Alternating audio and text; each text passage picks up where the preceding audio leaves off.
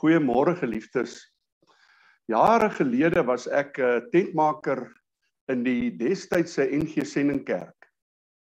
En uh die ou gemeentetjie waar ek gebly het was baie baie arm. Weet jy as jy so deur die dorpie gery het dan het jy gesien hoe hulle die koerantpapier in die winter in die gate van hulle vensters insteek omdat hulle eenvoudig nie geld gehad het nie, maar wat 'n wonderlike gemeente daar in Fort Beaufort omdat die mense vir mekaar omgegee het. Nou ek en my jong mense het gereeld hierso op Dinsdae aande as ons nou klaar lekker geëet het, het ons gaan saam sit en dan ons gesels. En eendag vra ek toe vir hulle en dit was so hier in, in net voor die veranderinge in ons land, vra ek vir hulle wat sal hulle nou doen die graagste as uh, hulle nou kon besluit hoe Suid-Afrika moet lyk En ek het nou verwag in so 'n uh, situasie waar mense so arm is en eintlik bitter min het om van te lewe dat hulle vir my so sê, "Wie ons wil graag teerpaaie hê of beter huise in Swan." En hoe groot was my verrassing op die ou einde nie. Want uh, wat hulle toe vir my gesê het was, "Weet jy Dominie, al wat ons wil hê is as ons by 'n plek instap, 'n winkel of so, dat mense ons moet respek behandel." Dat ons voel hulle sien ons raak. Hulle ag ons. Hulle kyk nie neer op ons nie. En dit was nogal vir my 'n geweldige groot verrassing. Dit het vir my 'n lig laat opgaan van wat Jesus presies vir die mense gesê het daar met sy groot preek op die berg van Matteus 5 af tot by Matteus 7. En ek lees vir julle die kern van wat hy eintlik daar gesê het. En toe ek vir die eerste maal verstaan, daar toe daai jong mense vir my sê, ons wil net graag respek hê. Ek verstaan wat Jesus gesê het in Matteus 7 van uh, uh daarvan vers uh uh 12 af. En ek lees dit uit uh die vertaling van Stefan en myself uh, wat in soos dit hier op die voorblad staan 'n getroue vertaling in vars Afrikaans is wat nou verskyn het en daar staan alles wat julle verwag ander vir julle moet doen moet julle ook bereid wees om vir hulle te doen.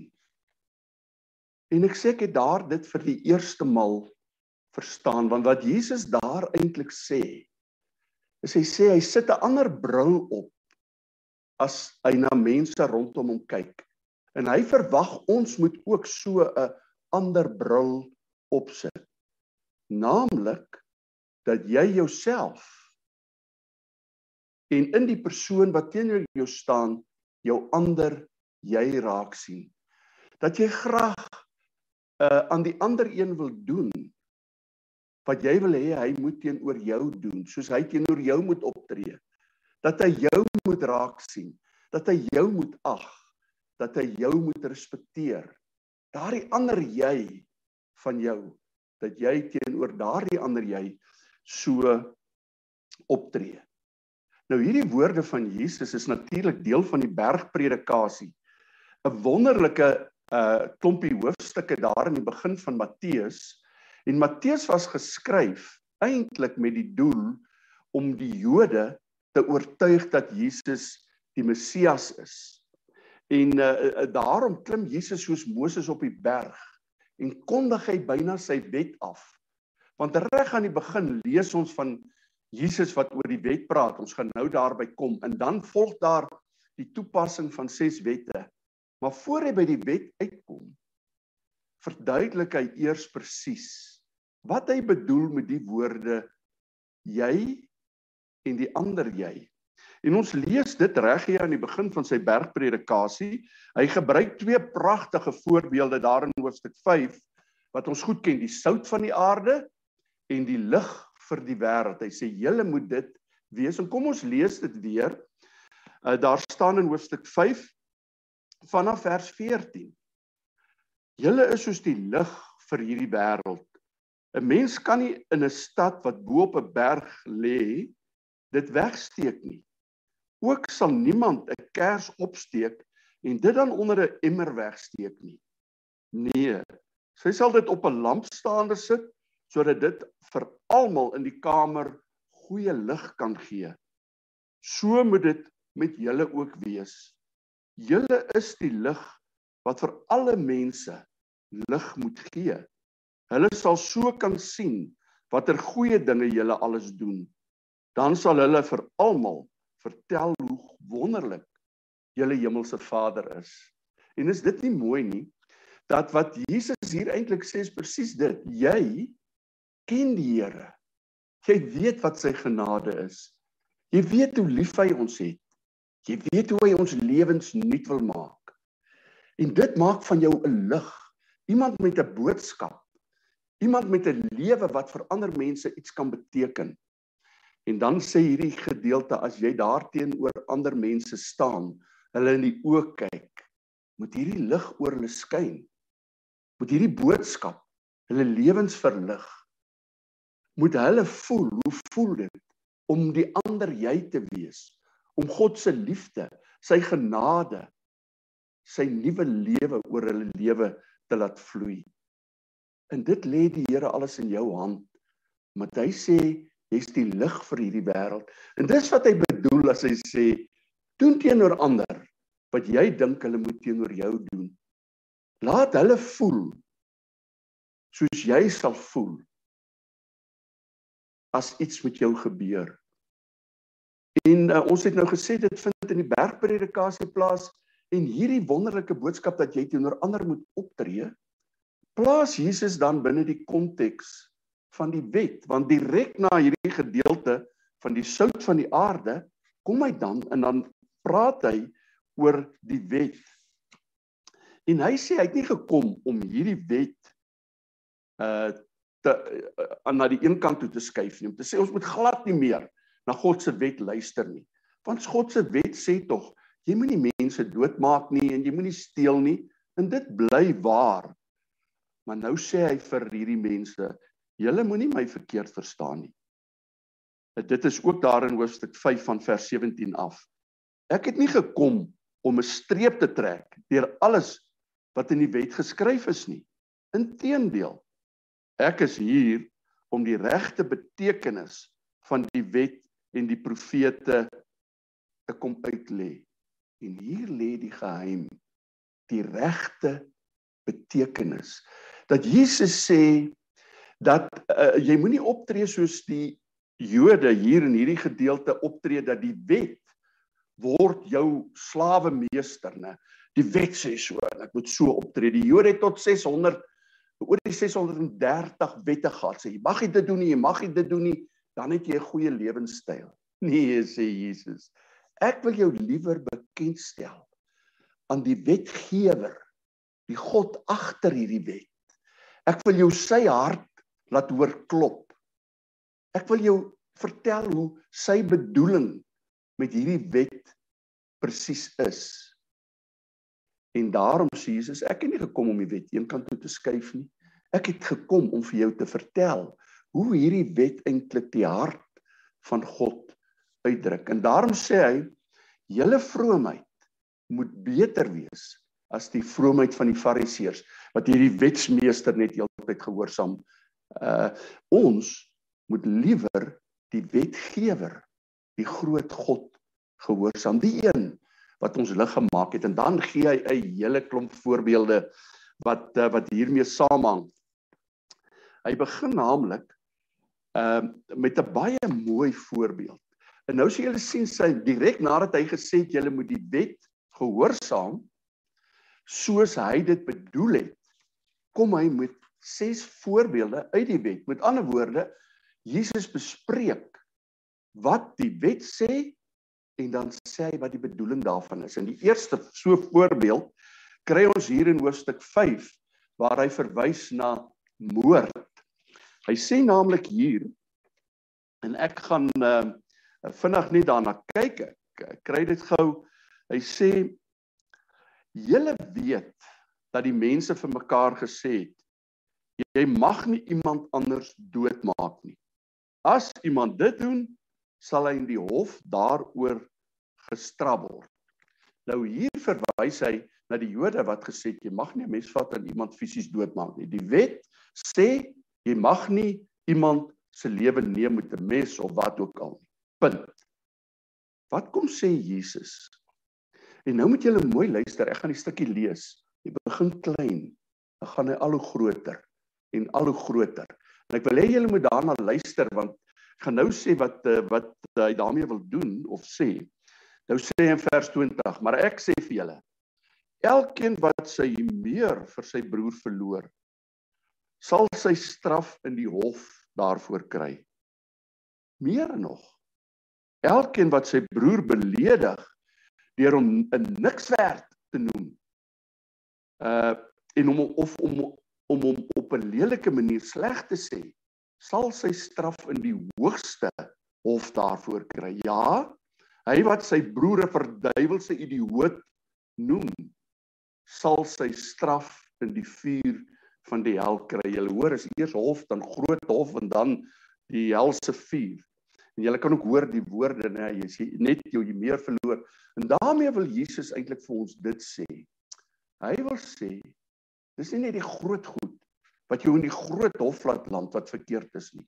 Dis nie net as jy jou broer uh uh regtig lelik beledig of heeltemal jou hier meer verloor nie. Sê selfs as jy net kwaad word, is jy al besig om daai persoon hoor nou dood te maak. So ernstig sê Jesus dit. Nou uh, raak dit bietjie ernstig want dit klink nou klink nogal of heelwat van ons moordenaars is ons hierdie definisie.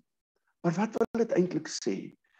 Wat Jesus hier doen is hy brei eintlik die persoon wat teenoor jou staan uit van 'n fisiese persoon wat met 'n mes doodgemaak word na 'n persoon wat ook deur die mes van jou tong seer gemaak word iemand wie se gevoelens jy nie in ag neem nie. Uiteindelik iemand wat se eer jy wegneem deur om regtig 'n idioot te noem wat iets vreeslik in die ou tyd was. Want dan het jy iemand voor al sy vriende en almal heeltemal verneder. So dit gaan van 'n klein belediging na 'n groot vernedering van die persoon die kom ons noem die een wat 'n binneste het. So net soos jy hom nie liggaamlik mag seermaak nie, sê die Here moet jy hom ook nie in sy binneste, in sy persoon wees seermaak nie. Dis 'n manier om te sê jy moet as jy voor iemand anders staan, die ander jy raak sien. Jy moet jouself indink hoe jy sal voel as iemand jou voor jou vriende beledig. As iemand jou sleg sê voor ander. Hoe sal jy voel? En is dit regtig hoe jy God se lig oor ander mense wil laat skyn? Deur hulle so te laat voel. So wat die Here hier sê is, hy sê ons moet mense raak sien as mense vir wie ons respek het. Mense wat ons soos God hulle liefhet, so het ons hulle ook lief. Om meer te sê, soos God my liefhet, moet ek ook die ander jy lief hê. Soos God my genade betoon, moet ek ook die ander jy genade betoon. Geliefdes, en dit verander mos alles. Dit maak mos dat ons in ons omgang met ons mense anders gaan optree. Want jy gaan heeltyd die bril op hê van hoe kan ek vir daai persoon goed wees? Hoe kan ek vir hom doen wat ek graag aan myself gedoen wil hê? kan ek vir hom liefde betoon? Hoe kan ek vir hom vergifnis betoon? So hierdie eenvoudige woorde van Jesus wat hy sê, doen aan ander wat jy wil hê hulle moet aan jou doen, sny baie diep. Maar hierdie gedeelte oor die moord gaan nog 'n stappie verder want hy het 'n tweede voorbeeld wat hy daar gebruik. Hy sê sê nou jy is besig om vir God 'n offer by die altaar in die tempel te bring. Dis nou die heiligste ding wat jy kan doen. Jy's nou besig met God sake. Jy praat met God, jy bely jou sonde voor God en, en terwyl jy nou daar staan, onthou jy skielik dat iemand wat jy ken iets teen jou het. Nie jy teen hom nie, hy teen jou. Los dan alles so net daar by die altaar en gemaak eers met daardie persoon vrede as die probleem uitgesorteer is en alles weer reg is, gaan dan terug na die altaar toe en bring jou offer vir God. Nou hier staan dat jy nie eers teen die ander persoon iets het nie, maar dat die ander persoon teen jou iets het. En dit beteken dat daai persoon se gedagtes eintlik so bietjie met wraak vervul is, né? Hy is kwaad vir jou. Julle verhouding is nie meer goed nie. Hy wil jou nie meer in die oë kyk nie. Dan sê die Here, wil jy so leef dat jy met ander mense, jy weet, uh, uh wil vermy die hele tyd, dat jy hulle nie in die oë wil kyk nie, dat jy wil wys jy's nou kwaad, nou jy het jou nou gewip. Wil jy so lewe? Is dit hoe jy jou lig wil laat skyn in hierdie wêreld? En natuurlik sê Jesus nee. Gaan en sorteer die saak uit.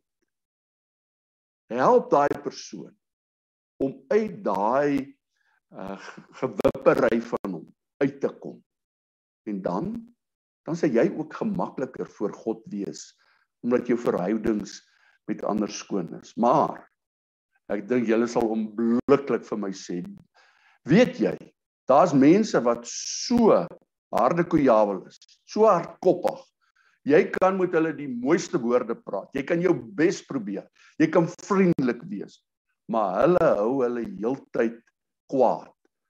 Hulle probeer jou heeltyd verneder of vir jou wys maar jy is nou uh jy weet sleg en hulle is beter as jy want hulle gaan nou nie in hierdie spel van jou betrokke raak waar jy nou die slegte of die swak persoon is liewer wat wil vergewe nie. Nee, hierdie ding is vir hulle te erg.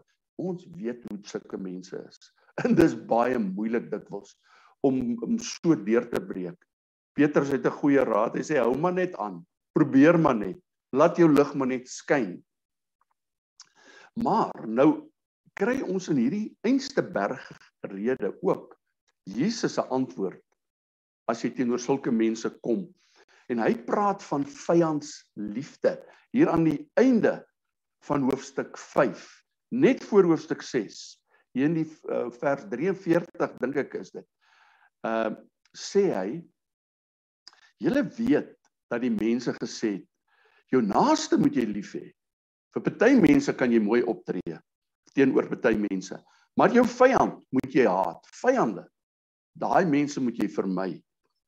En hoor nou hoe hoe interpreteer Jesus hierdie wet? Hy sê: "Maar ek sê vir julle, julle moet julle vyande lief hê omdat julle in my glo, omdat julle my lig is, moet julle vir mense wat julle kwaad aandoen bid. Dit is wat kinders van die Vader in die hemel doen. God, hierdie Vader, laat sy son oor goeie en slegte mense skyn en hy laat seën val oor alle mense of hulle doen wat reg is en of hulle doen wat verkeerd is. Dis nie 'n uh, seën wat hy laat val nie, dis reën wat hy laat val oor almal. Nou wat hy hier sê is Jy moet soos jou Vader wees. En wat doen God? God laat oor almal reën. Of hy goed of sleg is. En God vra nie uh, uh, iets terug nie. Hy kyk nie daai slegte persoon en hy sê sê jy nou vir my dankie, gee nou vir my koring terug uh in my altaar by my altaar of nie. Nee. God is genade. Hy is liefde. En daardie reën sal uiteindelik ook hopelik daardie persoon laat raak sien met watter God hy te doen het. En daarom sê die Here moet jy volhou. Jy moet aanhou om te probeer uh jou lig laat skyn om goed te wees. As jy hulle tyd het gaan lees gerus Lukas 6 waar hy praat oor naaste liefde. Is een van die revolusionêre hoofstukke in die Bybel waar die Here eintlik ons verhouding teenoor die uh, vyande heeltemal herdefinieer dat hy sê moenie terugverwag nie. Die Here het vir jou genoeg gegee.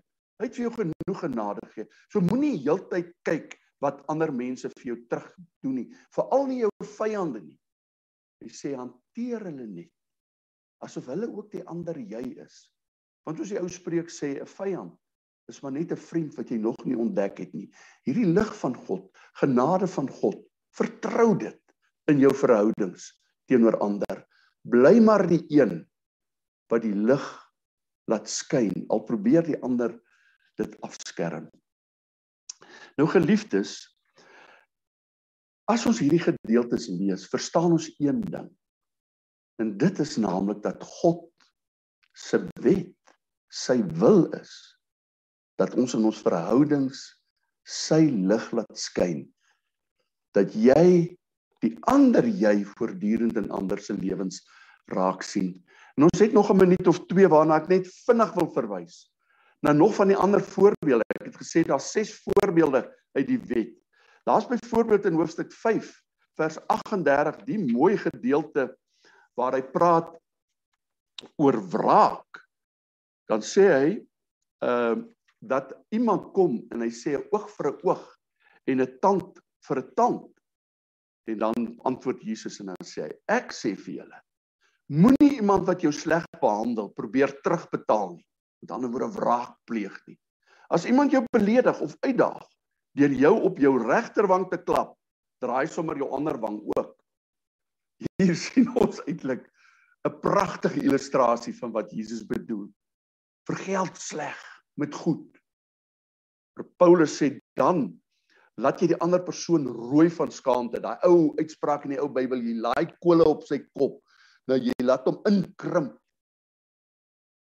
Moenie met ander woorde, as iemand anders aan jou iets sleg doen, hom nou terugbetaal met wraak nie. So werk die die die wet van God se bedoeling nie. So wil hierdie wetgewer nie hê jy wil op uh, moet optree nie. Nee, jy moet die een wat wees wat die lig skyn en daai mens in sy wese verander deur die genade en liefde van God wat jy hom laat leer ken deur nie wraak te pleeg nie.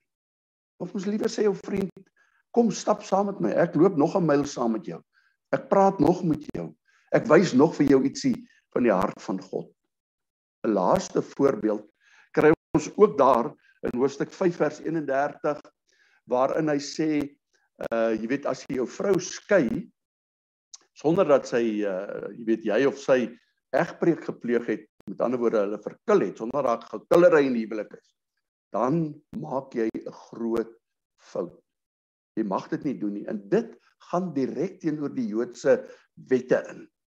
Die Joodse wette het gesê dat die man het die reg om vir die vrou 'n brief te skryf as hy nie meer tevrede is met die huwelik nie en die brief dan aan die regsmense te gee en dan was die huwelik verby. Die arme vrou moes nou maar net sy goed. Nou sit ek op die straat. Jesus sê, ekskuus, Jesus sê nee, so werk dit nie. Wat gebeur is, hy brei daardie persoon, daai vrou se beregte uit dat sy nie net 'n vrou is wat maar heen en weer geskuif geword het, maar dat sy 'n skepsel van God is, die ander jy teenoor wie jy moet optree, soos God teenoor jou optree. Daarom kan jy nie maar net moet daai persoon maak soos jy wil nie. Daarom moet jy vir jouself afvra hoe sal ek voel? As ek hier in die huwelik sit en skielik sê my huweliksmaat uit te sê, gaan sit daar op die straat. Hoe sal ek voel as dit met my gebeur? Nee, sê die Here. Dis nie hoe die lig skyn nie. Dis nie hoe sy mense regtig werk nie. Geliefdes, en dan dink ek nou weer terug daar in die wonderlike tyd in my gemeente Middellande. Uh dis daar in Fort Beaufort, Adelaide, Bedford gebied gewees. Maar daai jong mense vir my gesê dominee, al wat ons soek is respek. En ek het toe gegaan en gaan soek na die Griekse woord, die Bybelse woord vir respek. En interessant is ek kon nie 'n Griekse woord daarvoor regtig kry nie. Wat ek wel gekry het is dat respek word beskryf met 'n groot aantal woorde soos eer om ander raak te sien, om ander in ag te neem, om ander 'n plek, 'n volwaardige plek in hierdie lewe te gee, om jou hand om ander te slaan. Al die woorde saam beskryf respek. Dis soos 'n wolk wat die Here oor die ander jy trek. Dat jy wat in wat jy in hom raak sien, is hierdie liefde. En wat jy aan hom doen, is hierdie agting, hierdie op die hande dra. Inderdaad, die geheim van die groot wetgewer, die een wat jou lewe wil gebruik in sy hande, wat jou sy lig wil maak, sit die bril op van jy en die ander jy en leef dit uit. Kom ons bid saam.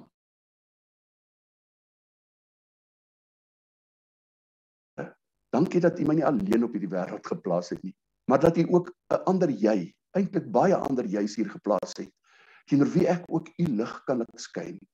Gebruik my Here, vorm my om daardie lig te wees. Amen.